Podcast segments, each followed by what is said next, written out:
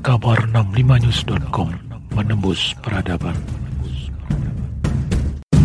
Mari kita simak bersama sambutan Presiden Republik Indonesia dilanjutkan dengan pernyataan peresmian pembukaan Musyawarah Nasional ke-6 APEXI tahun 2021.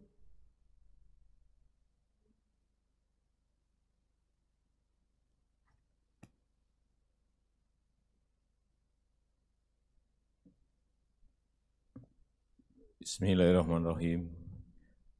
Assalamualaikum warahmatullahi wabarakatuh. Selamat pagi, salam sejahtera bagi kita semuanya. Om Swastiastu, Namo Buddhaya, salam kebajikan.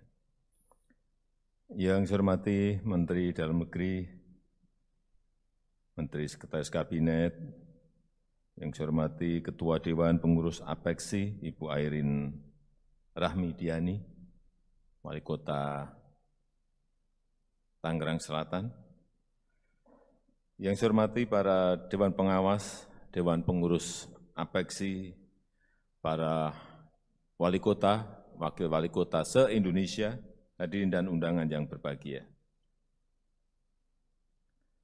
Pada forum yang mulia ini, saya ingin menyampaikan ucapan terima kasih yang sebesar-besarnya kepada Bapak Ibu Wali Kota seluruh Indonesia yang telah bergerak bersama-sama menangani pandemi COVID, baik dampak kesehatan maupun dampak di bidang sosial ekonomi. Namun, saya ingin tegaskan bahwa pandemi COVID belum berakhir. Belum berakhir. Kita tetap harus bekerja keras kita juga harus semakin detail untuk menemukan cara-cara baru dalam mengatasi permasalahan dan bahkan memanfaatkan kondisi krisis ini untuk meraih kemajuan yang signifikan. Bapak Ibu Wali Kota, Wakil Wali Kota yang saya hormati, pada kesempatan ini saya ingin mengajak Bapak Ibu sekalian untuk melakukan langkah-langkah ekstraordinary yang mendesak pada saat ini. Yang pertama,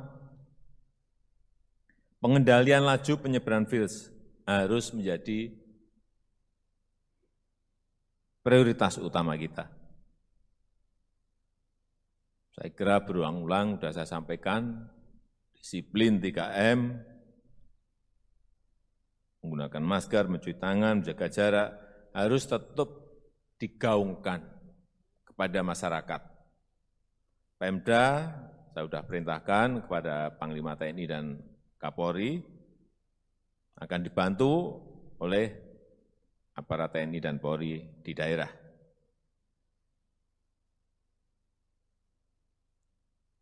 Jangan hanya juga menyuruh pakai masker kepada masyarakat, pakai masker, pakai masker, tetapi harus sekarang saya tambah perintahnya, juga harus bagi masker.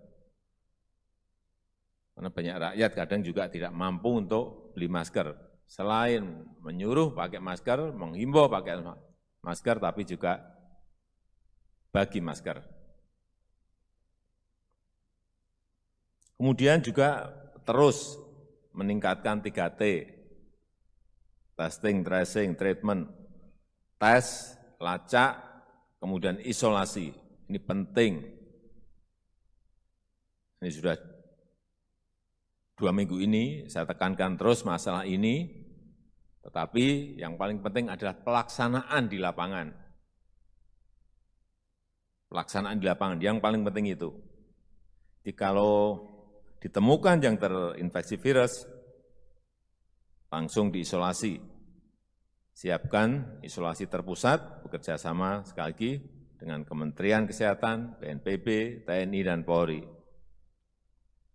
Jika dirasa perlu, ini PPKM bisa dilakukan, tetapi dalam skala mikro, dalam lingkup yang kecil, baik itu dalam skala kampung, skala desa, RW atau RT saja. Jangan sampai yang terkena virus hanya satu orang, dalam satu RT yang di lockdown seluruh kota. Jangan sampai yang terkena virus misalnya satu kelurahan yang di lockdown seluruh kota, untuk apa? Ini yang sering kita keliru di sini. Oleh sebab itu, dua minggu yang lalu saya, kita memang harus bekerja lebih detail lagi. Lockdown skala mikro, mikro lockdown. Ini tidak merusak pertumbuhan ekonomi, tidak merusak kegiatan ekonomi masyarakat. Karena yang kita lockdown adalah dalam skala-skala kelurahan, RW, RT. Oleh sebab itu, wali kota, wakil wali kota harus melakukan pemetaan zonasi penyebaran COVID ini secara detail, mengerti betul di mana barang itu ada. Sampai di tingkat kelurahan, RW atau RT. Enggak bisa lagi satu kota langsung di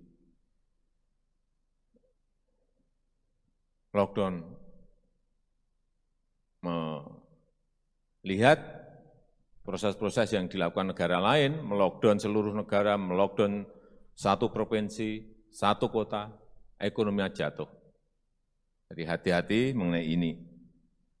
Dan tentu saja yang namanya treatment, isolasi ini harus mendapatkan perhatian yang serius, baik dari sisi penyediaan obat-obatan, penyediaan bed rumah sakit, kesiapsiagaan tenaga medis harus selalu dicek, selalu dimonitor, dan jangan ragu untuk me, kalau memang dirasa kurang, jangan ragu untuk meminta bantuan dari pemerintah pusat, TNI maupun Polri. Kemudian yang kedua, ini perlu manajemen persiapkan, manajemen persiapan untuk percepatan vaksinasi ini yang baru dimulai sejak 13 Januari yang lalu, nakes. Tapi mulai minggu depan ini sudah mulai masuk ke pelayan publik yang sering berhubungan dengan masyarakat. Masyarakat mungkin bisa dilakukan untuk yang interaksinya tinggi, mobilitasnya tinggi harus didahulukan, misalnya pasar. Misalnya di sektor-sektor jasa yang padat interaksi yang interaksinya tinggi, segera lakukan. Bukan orang per orang, karena kita ingin melakukan vaksinasi itu klaster, memagari, sehingga tercapai kekebalan komunal, tercapai herd immunity. Atau misalnya di kota ada mall, ya sudah, para karyawan di mall langsung, karena dia banyak sekali berhubungan dengan masyarakat. Sehingga sekali lagi perencanaan secara detail ini harus dimulai, dipetakan. Kalau vaksin datang dalam jumlah banyak itu siapa dulu yang didahulukan. Jangan lupa yang untuk yang rentan, utamanya yang lanjut usia, itu menjadi prioritas. Dan kita pemerintah pusat sedang berusaha keras untuk memperoleh tambahan vaksin dari berbagai sumber vaksin ini produsennya tidak banyak, tetapi direbutkan oleh 215 negara, rebutan semuanya. Sekarang ini yang baru bisa berjalan vaksinasinya kira-kira 42 negara. Yang lain rebutan mendapatkan vaksin. Kita sudah mendapatkan komitmen 426 juta ini Alhamdulillah karena memang sejak awal, sejak Agustus kita sudah mulai pendekatan dengan produsen-produsen vaksin. Bukan barang yang mudah, ini rebutan, semua negara rebutan vaksin. Oleh sebab itu, vaksinasi ini harus tepat sasaran, tepat target betul. Jangan sampai eh, meleset. Dan pemerintah daerah, pemerintah kota harus mempersiapkan betul vaksinator, berapa jumlah vaksinator di kota kita. Dan juga manajemen vaksinasinya di lapangan. Mungkin di puskesmas silahkan melakukan, tetapi harus ada yang dalam bentuk massal. Kumpulkan misalnya di GOR, kumpulkan di balai kota, dalam jumlah yang banyak sehingga harian ini kita bisa melakukan suntikan vaksin dalam jumlah yang banyak, sehingga segera tercapai herd immunity. Bapak Ibu, Wali Kota, Wakil Wali Kota yang saya hormati, hal yang ketiga yang perlu saya tegaskan adalah perbanyak program padat karya. Ini urusan dengan ekonomi. Program padat karya agar ini bisa memperkuat daya beli masyarakat, meningkatkan konsumsi masyarakat, dan satu-satunya penggerak perekonomian masyarakat sekarang ini adalah belanja pemerintah, belanja APBN, dan belanja APBD. Dan masyarakat di bawah harus diberikan penghasilan yang seluas-luasnya, diberikan pekerjaan yang seluas-luasnya.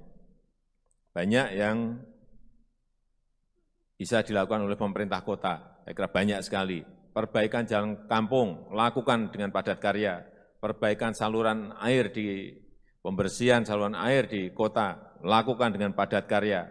Perbaikan puskesmas, perbaikan pos yandu, lakukan dengan padat karya. Perbaikan sekolah, lakukan dengan padat karya. Saya kira banyak sekali.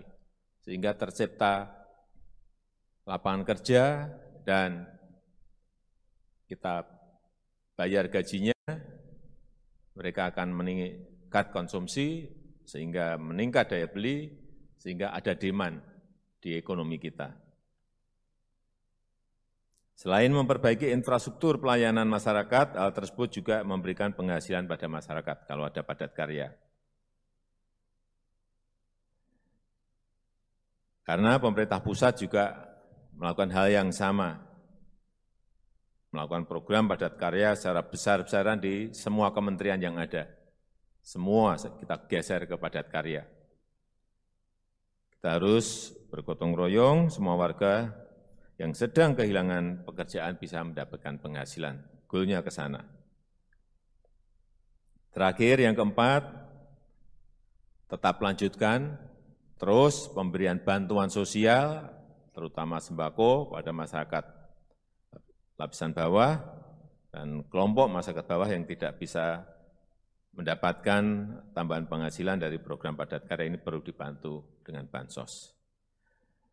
Para peserta Munas Apeksi yang saya hormati, empat hal di atas adalah hal mendesak yang harus kita lakukan sekarang ini dan digarap bersama-sama antara pemerintah pusat dan pemerintah daerah.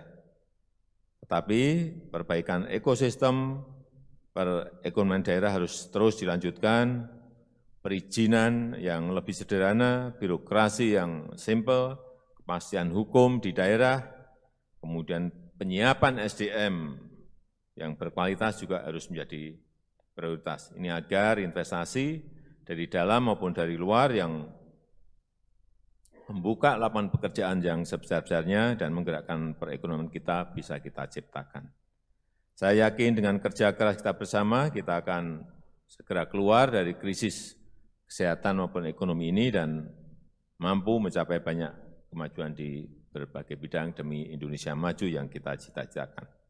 Saya rasa itu yang bisa saya sampaikan pada kesempatan yang baik ini dan dengan mengucap Bismillahirrahmanirrahim, Musyawarah Nasional ke-6 Asosiasi Pemerintah Kota seluruh Indonesia Pagi hari ini saya nyatakan dibuka. Terima kasih. Wassalamualaikum warahmatullahi wabarakatuh. Kabar 65news.com menembus peradaban.